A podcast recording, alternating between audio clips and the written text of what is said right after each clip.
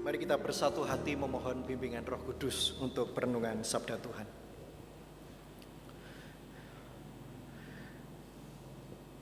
Sebuah perintah yang begitu mulia ketika Tuhan boleh mengingatkan kami melalui pujian yang telah kami nyanyikan. Ketika kami diperhadapkan dengan berbagai situasi kehidupan dan bahkan tawaran dunia, biarlah kami senantiasa untuk belajar mencari kehendak dan kerajaan Allah. Itulah yang akan kami lakukan saat ini ya Tuhan. Biar di pagi yang indah ini kami boleh kembali membekali diri kami dengan firman-Mu. Kiranya Engkau membuka setiap hati, pikiran dan jiwa kami supaya dengan demikian kami pun juga Engkau ubahkan menjadi manusia-manusia baru. Berfirmanlah ya Tuhan sebab kami siap untuk mendengarkan. Amin. Bapak Ibu Saudara yang terkasih dalam nama Tuhan, mari kita bersama-sama membuka bacaan leksionari kita yang diambil dari Markus pasalnya yang ke-12. Ayatnya yang ke-28 hingga 34.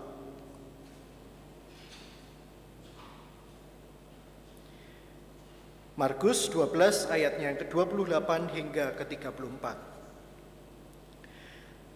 Lalu seorang ahli Taurat yang mendengar Yesus dan orang-orang Saduki bersoal jawab dan tahu bahwa Yesus memberi jawab yang tepat kepada orang-orang itu datang kepadanya dan bertanya, "Hukum manakah yang paling utama?"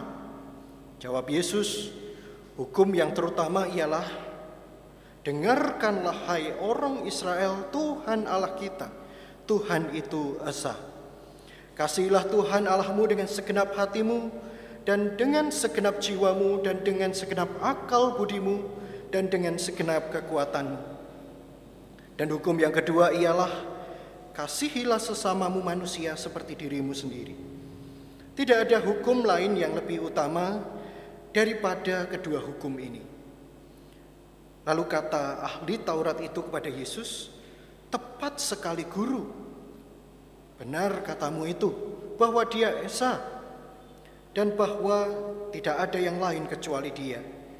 Memang mengasihi Dia dengan segenap hati dan dengan segenap pengertian dan dengan segenap kekuatan, dan juga mengasihi sesama manusia seperti diri sendiri adalah jauh lebih utama daripada semua korban bakaran." dan korban sembelihan. Yesus melihat bagaimana bijaksananya jawab orang itu dan ia berkata kepadanya, Engkau tidak jauh dari kerajaan Allah. Dan seorang pun tidak berani lagi menanyakan sesuatu kepada Yesus. Demikianlah Injil Yesus Kristus, berbahagialah setiap kita yang tidak hanya mendengarkan firman Allah, tetapi juga dengan tekun melakukannya dalam kehidupan sehari-hari. Haleluya.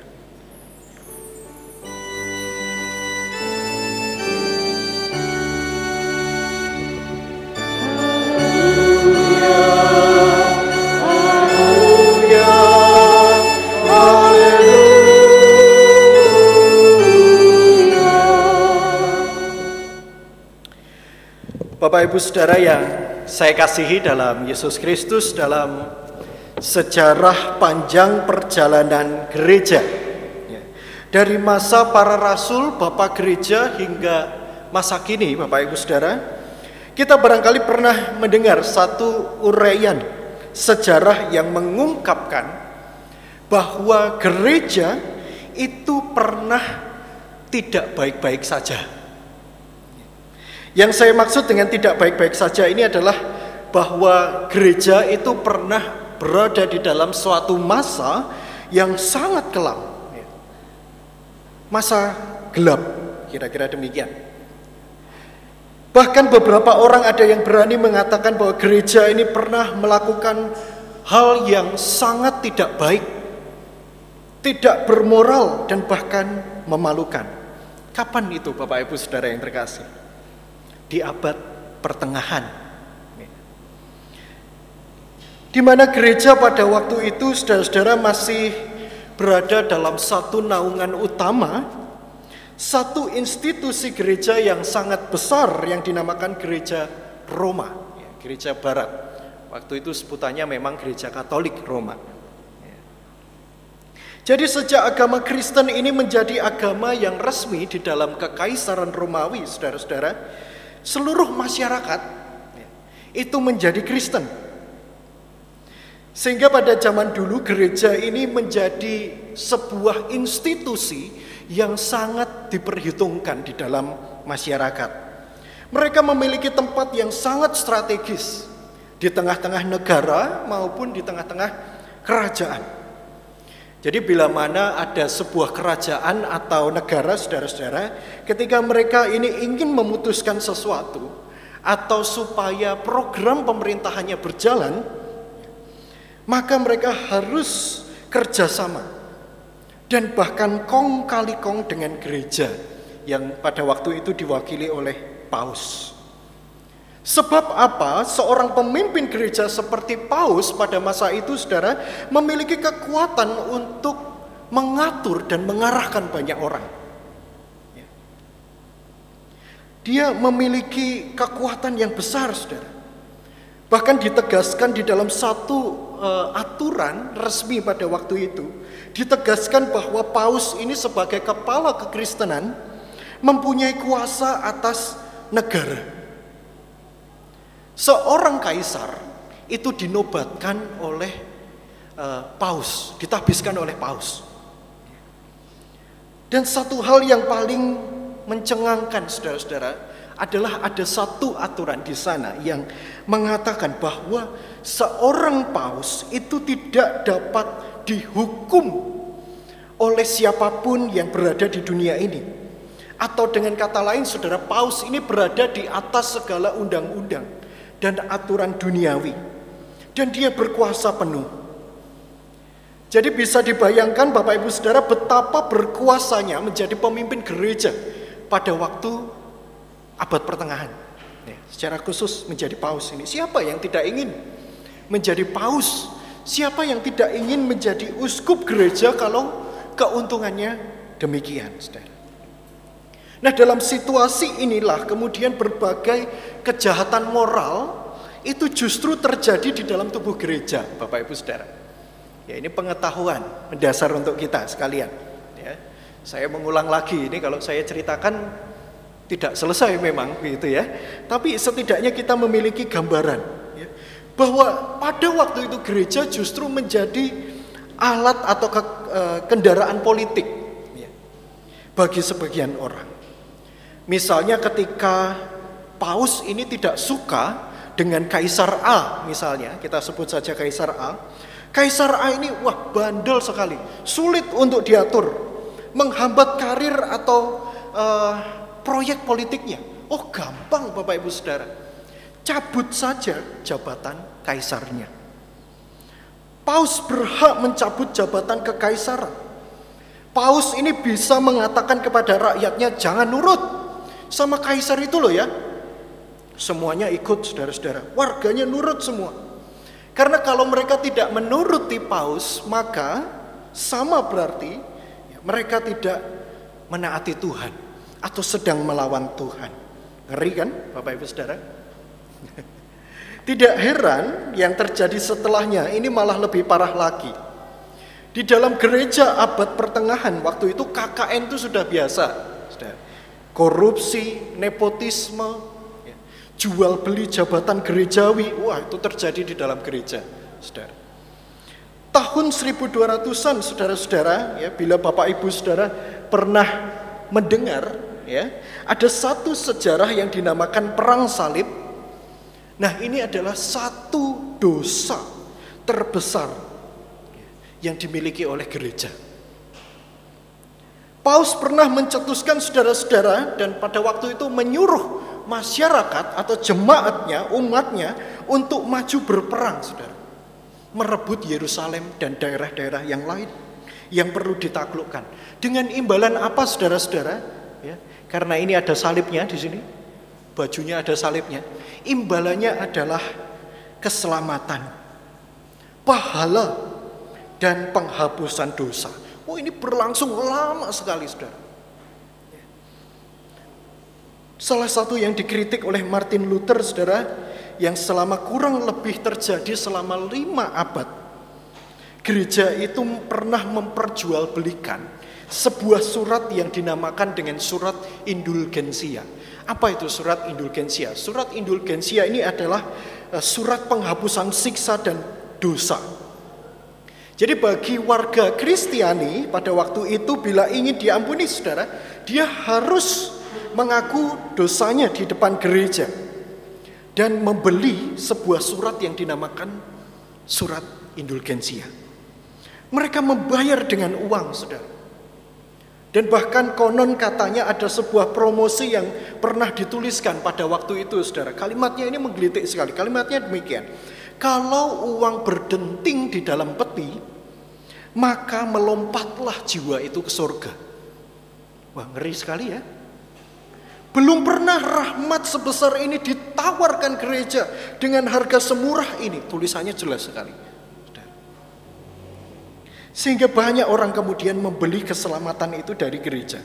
Luar biasa, memalukan, saudara. Atas semua tindakan gereja itu saudara akhirnya Martin Luther pada tanggal 31 Oktober 1517 dia menuliskan dan menyampaikan sebuah uh, dalil. Kumpulan dalil 95 dalil. Untuk apa saudara? Untuk menyerang dan mengkritik gereja.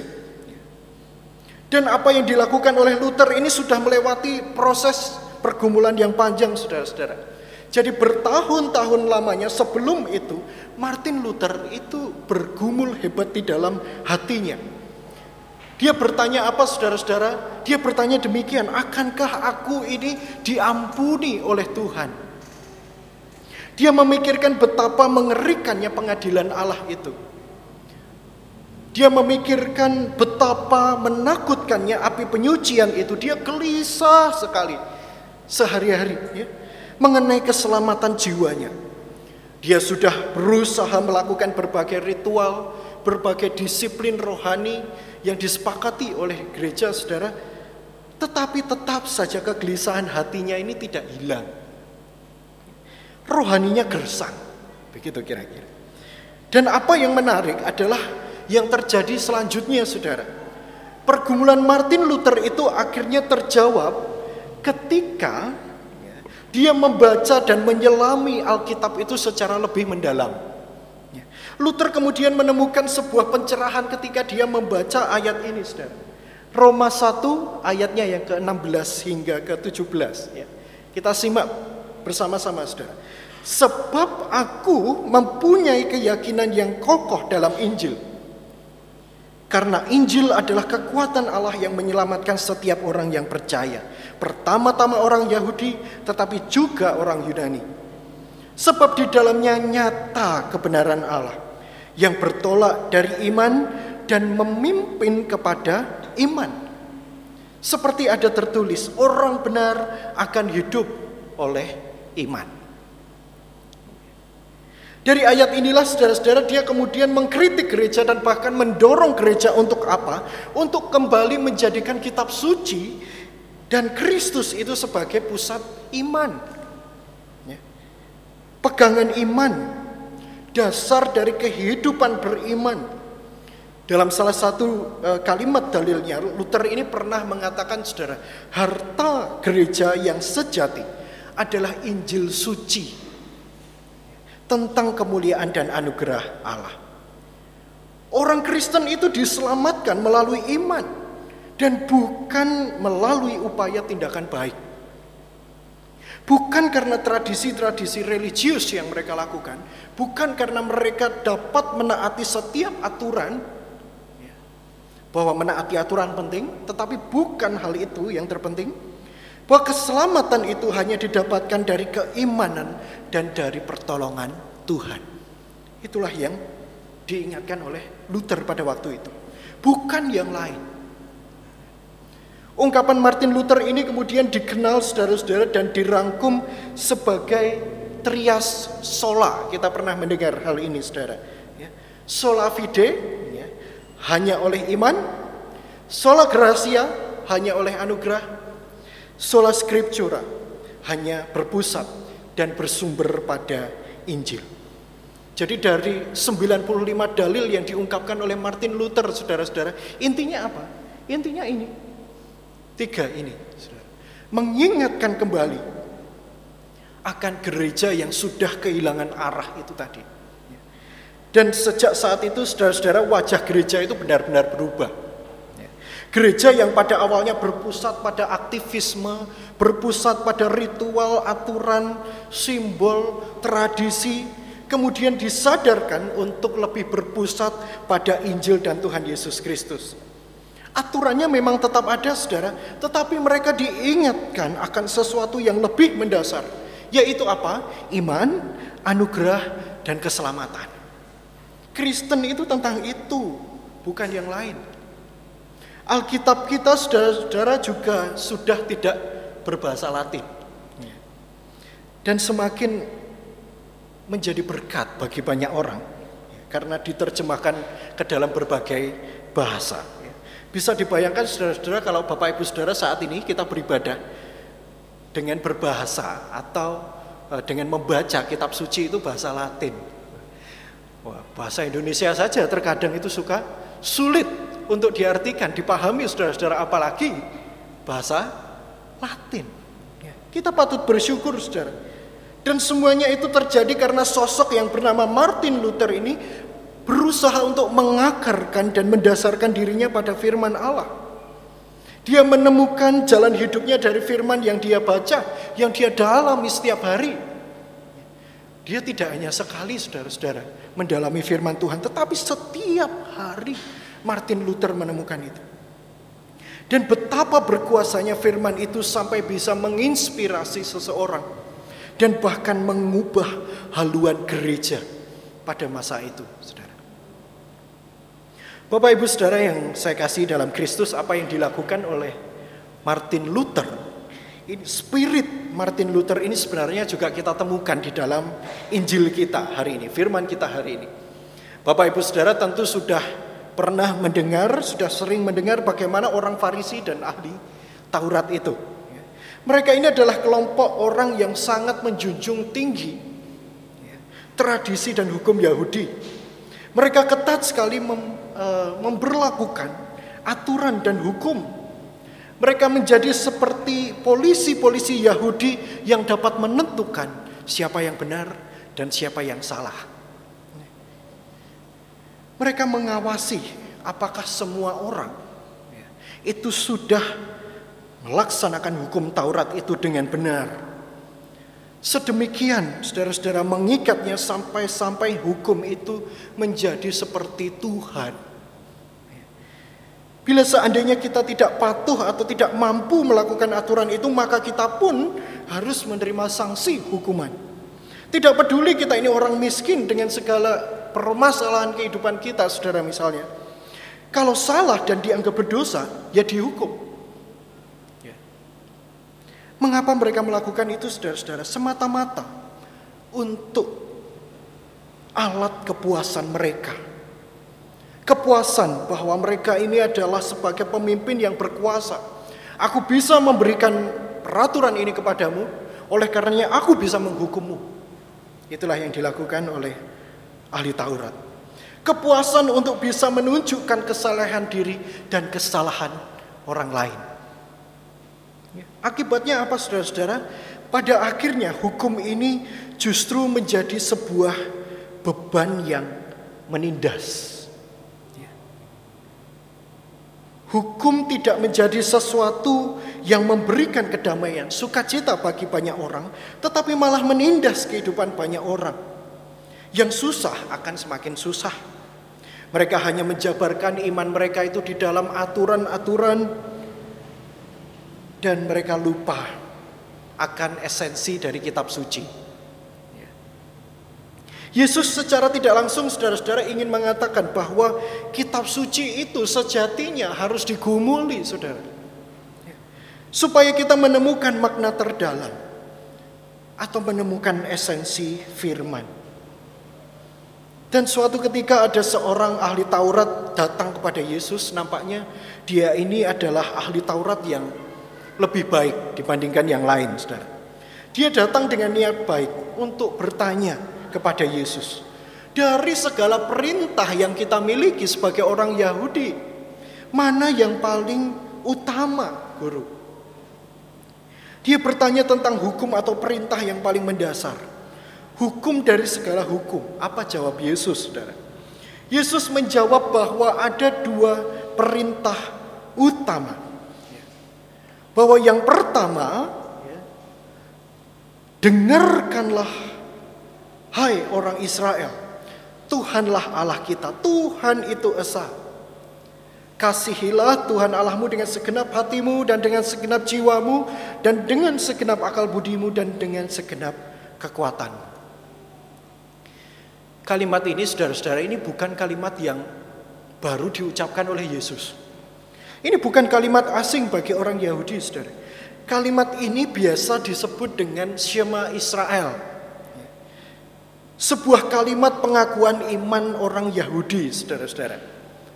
Bapak ibu saudara nanti bisa menemukannya di dalam ulangan. Ulangan 6 ayatnya yang keempat dan lima. Ya. Persis kalimatnya demikian. Pengakuan iman ini saudara-saudara sangat penting bagi orang Yahudi karena kalimat ini diucapkan secara berulang-ulang di dalam peribadahan dan diajarkan kepada anak-anak mereka di rumah. Saudara. Seperti pengakuan iman kita yang kita nyatakan setiap minggu. Jadi kalimat ini adalah bekal harian orang Yahudi, saudara. Di dalam terjemahannya, kalimat ini berkata demikian saudara.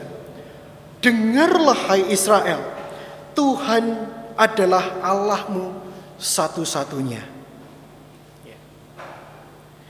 Beriman dan mendalami firman itu pertama-tama saudara-saudara harus didasarkan pada pengakuan iman akan siapa Allah. Bukan karena kewajiban, tetapi karena kita memang menyadari siapa kita dan siapa Allah. Barang siapa beriman maka pertama-tama dia harus belajar mengakui dan mengabdi pada Allah secara loyal. Dengan komitmen yang sungguh-sungguh, saudara. Iman itu soal belajar mengakui keberadaan Tuhan dan melakukan kehendak Tuhan. Iman itu soal mau belajar dan diajar oleh Tuhan. Oleh karenanya saudara-saudara tidak heran kata pertamanya ini menarik dengarlah ya. Mendengar itu simbol apa saudara-saudara? Mendengar itu simbol keterbukaan. Mendengar itu berarti ada kesediaan untuk menerima dan menyimak saudara. Bukan prasangka, bukan keinginan untuk melawan atau membantah, bukan keinginan untuk memaksakan pendapat kita. Mendengar itu membuka diri, mendengar itu membuka hati, membuka telinga selebar-lebarnya. Maka dari itu saudara-saudara kita biasakan berdoa. Berilah hati kami dan telinga seorang murid. Karena seorang murid yang sejati itu sudah semestinya mau mendengar dan belajar, saudara. Termasuk belajar untuk mendengarkan.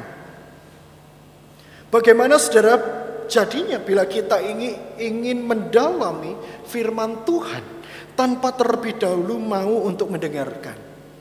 Susah masuk telinga kiri, keluar telinga kanan. Itu ya kalau kata guru-guru zaman dulu. Ya. Kalau kata orang Jawa yang belak-belakan saudara-saudara, mbok kita ini rajin berdoa, beribadah ping swidak jaran, kira-kira begitu ya. Kalau kita ini tidak mau mendengarkan, ya hidup kita selamanya akan begitu. Tidak akan pernah berubah dan diubah oleh Tuhan. Itu satu fakta bagi kita, saudara. Dan dalam firman kita selanjutnya, saudara-saudara di sana dikatakan, ketika kita mau belajar, mendengar dan rela hati mengabdi kepada Allah, maka kita pun juga semestinya akan rela mengasihi Tuhan dengan seluruh keberadaan kita. Mengasihi Tuhan, saudara-saudara, ada berapa cara? Ada tiga cara. Ya.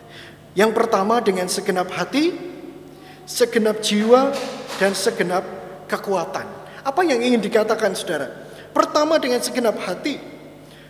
Dalam bahasa Ibrani saudara-saudara lebav. Itu sebenarnya jantung. Jadi bagi orang Yahudi, jantung atau yang diterjemahkan sebagai hati itu melambangkan sumber kehidupan. Hati itu sumber perasaan kita.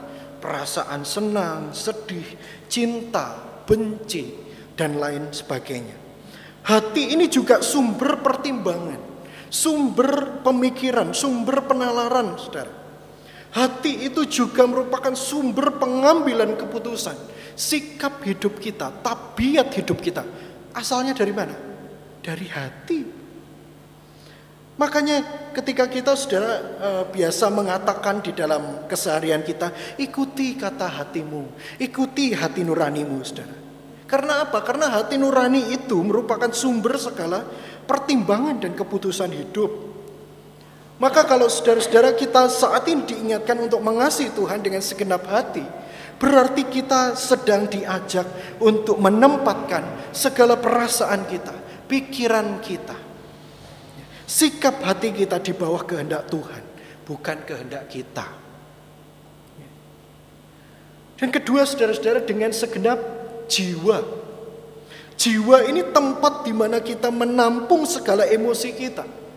Hasrat kita, keinginan kita, dambaan kita. Kita haus, lapar, kita ini marah, berharap. Lalu kemudian kita ini merindukan kasih sayang kita rakus dan sebagainya saudara-saudara, semuanya ini dirasakan dan diwadahi oleh jiwa kita. Itu artinya mengasihi dengan segenap jiwa berarti menundukkan segala emosi, aspirasi dan dambaan kita saudara pada kehendak Tuhan. Pun juga dengan segenap kekuatan. Segenap kekuatan itu artinya dengan kemampuan yang kita miliki, dengan sungguh-sungguh dengan sikap yang konsisten. Tidak cukup sekali dua kali saja. Hari ini saya mengasihi Allah, beriman dengan serius. Besok tidak. Besoknya lagi saya serius, besoknya lagi tidak. Bukan begitu, saudara. Melainkan konsisten, sungguh-sungguh. Dan perintah yang pertama ini menjadi bekal yang baik. Karena ketika kita mengasihi Allah, maka kita pun juga akan mengasihi sesama manusia. Saya pernah mengatakan saudara-saudara bahwa jalan satu-satunya untuk menunjukkan kasih Allah itu adalah dengan cara mengasihi sesama kita. Tidak ada cara yang lain, saudara. Bapak Ibu Saudara yang terkasih ketika ahli Taurat ini mendengarkan Yesus, dia begitu terinspirasi. Saya percaya saudara-saudara bahwa kehidupannya pun diubahkan sejak waktu itu. Ketika dia mau dengan rendah hati belajar akan firman Allah, belajar akan kebenaran sejati dari sebuah iman kepada Allah, dia mengalami pencerahan itu. Dia tidak lagi takut beriman. Kalau sebelumnya dia memahami iman itu sebagai uh, seperangkat aturan dan hukum yang mengikat, yang tidak jarang menindas kehidupan, kini tidak lagi. Dia jauh lebih bijaksana karena dia memiliki kerinduan untuk merenungkan dan senantiasa mendalami firman Tuhan. Yesus memuji orang itu. Semuanya saudara-saudara terjadi karena apa? Karena dia mau mendengar. Karena dia mau mendalami firman Allah begitu rupa dengan segenap uh, keberadaannya. Dia mau mencari, mendasarkan diri pada inti Injil Kitab Suci sehingga dia beroleh kedamaian, kebahagiaan dan sukacita di dalam Tuhan. Saudara-saudara kasih Tuhan, keluarga kita saat ini dikelilingi oleh berbagai tawaran yang sewaktu-waktu dapat menjerat kita, saudara. Namun pertanyaannya saudara-saudara, ya, masihkah firman Tuhan itu mengubah kehidupan kita? Karena apalagi yang bisa mengubah kehidupan kita saudara-saudara kalau bukan firman Tuhan. Kalau sampai istilahnya kita ini diingatkan oleh firman Tuhan mentok kita tidak sadar-sadar saudara. Entah apa yang bisa mengubah kehidupan kita. Kalau sampai firman Tuhan itu sudah mati, wah hati-hati saudara-saudara di dalam diri kita. Karena apalagi wong firman Tuhan saja tidak didengarkan, apalagi perkataan bijaksana dari orang lain, apalagi saran baik dari orang lain tidak akan pernah didengarkan. Oleh karenanya saudara-saudara, pertanyaannya bagi kita saat ini adalah apakah saat ini kita bahkan sebagai keluarga kita ini sudah belajar untuk senantiasa mendasarkan diri pada firman Allah yang benar. Apakah dengan merenungkan dan mendalami firman Tuhan, kita sudah menjadi orang yang mau berjuang memperbarui diri setiap waktu? Karena jika tidak, saudara-saudara yang terkasih, maka percumalah firman Tuhan ini ada di tangan kita. Reformasi gereja saudara-saudara yang dilakukan oleh Martin Luther pada waktu itu juga tidak akan ada artinya. Bila kita tidak mereformasi diri. Oleh karenanya saudara-saudara mari kita bersama terus mengenal, terus belajar akan kehidupan di dalam terang firman Tuhan. Jadikan kecintaan akan firman Tuhan itu sebagai yang utama di dalam diri kita dan bahkan keluarga kita. Kapan pun saudara-saudara. Melebihi setiap fokus dan keinginan duniawi kita yang lainnya. Kiranya Tuhan menolong kita. Amin. Mari saudara kita bersatu dalam doa syafaat dan kita akan akhiri di dalam nyanyian doa Bapa kami. Mari kita berdoa. Tuhan Allah yang penuh kasih kami sungguh bersyukur atas pembelajaran bagi pertumbuh, pertumbuhan iman kami melalui firman yang kau nyatakan kepada kami. Dalam setiap perjalanan kehidupan yang kami jalani, kami mau ya Tuhan untuk pertama-tama belajar mendengarkan apa yang Tuhan inginkan, apa yang Tuhan katakan di dalam firman dan biarlah ketika kami mau untuk mendengar, kami pun juga belajar untuk taat dan bahkan mau untuk dengan rela hati mengasihi Tuhan dengan segenap diri kami.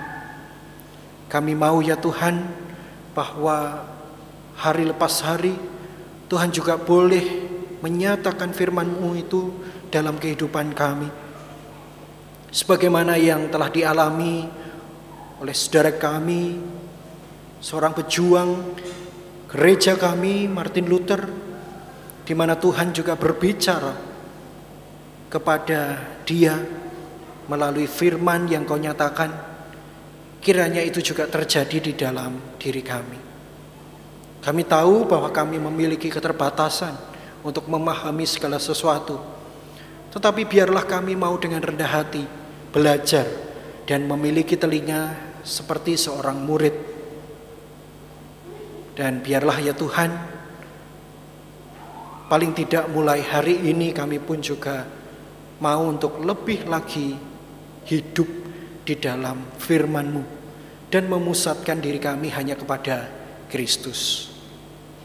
Saat ini ya Tuhan kami bersama-sama berkumpul tempat ini bersatu hati untuk mendoakan setiap pergumulan gereja kami. Kami berdoa supaya di tengah pandemi yang masih berjalan ini kami tetap dimampukan untuk berinteraksi di dalam kepedulian dan kehangatan satu dengan yang lain. Kami tahu ada banyak hal yang berubah, tetapi kami pun juga percaya bahwa Tuhan tetap hadir dalam setiap perubahan arah pelayanan kami. Kami berdoa untuk pendeta Adi, untuk pendeta Yoses Reson, untuk setiap pengerja gereja maupun majelis badan pelayanan juga hambamu yang melayani bersama-sama tempat ini. Biarlah melalui kami semua apa pun situasinya, karya-karya Tuhan terus diwujud nyatakan. Biarlah penyertaan Tuhan membuat kami yakin untuk terus menyatakan perbuatan-perbuatan baik di tengah dunia ini. Kami berdoa ya Tuhan untuk setiap pihak yang kau pakai, baik di dalam gereja kami maupun di luar gereja kami. Setiap orang-orang yang kau pakai di rumah sakit, di sekolah, panti asuhan, di mana pun dan apa pun yang mereka karyakan. Kiranya Tuhan beserta dengan mereka. Sekalipun di waktu-waktu ini mereka harus mengalami berbagai tantangan, kebuntuan, biarlah mereka senantiasa belajar untuk teguh dan tetap hadir bagi kemuliaan namamu. Kami juga berdoa bagi bangsa kami di tengah segala pergumulannya, juga pergumulan-pergumulan politik yang masih terus terjadi di antara kami. Kiranya Tuhan tetap menyatukan kami dan kiranya Engkau menjauhkan kami dari segala hal yang akan menjauh, menjatuhkan kami sebagai sebuah bangsa. Biarlah kami terus menghidupi janji-janji kami, melaksanakan setiap tanggung jawab kami dengan ketulusan hati serta nilai hidup yang baik dan bermakna. Kami juga berdoa bagi setiap kami yang saat ini masih bergumul berjuang di dalam ekonomi dan relasi keluarga kami. Kami yang merindukan hadirnya seorang anak atau pasangan hidup. Kami yang kesulitan di dalam pekerjaan maupun pelayanan kami, berkatilah dan lingkupilah kami.